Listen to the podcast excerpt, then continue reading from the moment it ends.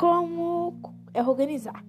Primeiro, eu me organizo assim, eu tenho uma agenda, aí eu anoto todas as tarefas e tento fazer tudo no mesmo dia.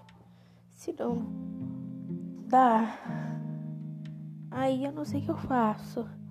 Mas eu faço assim, sabe, amiga?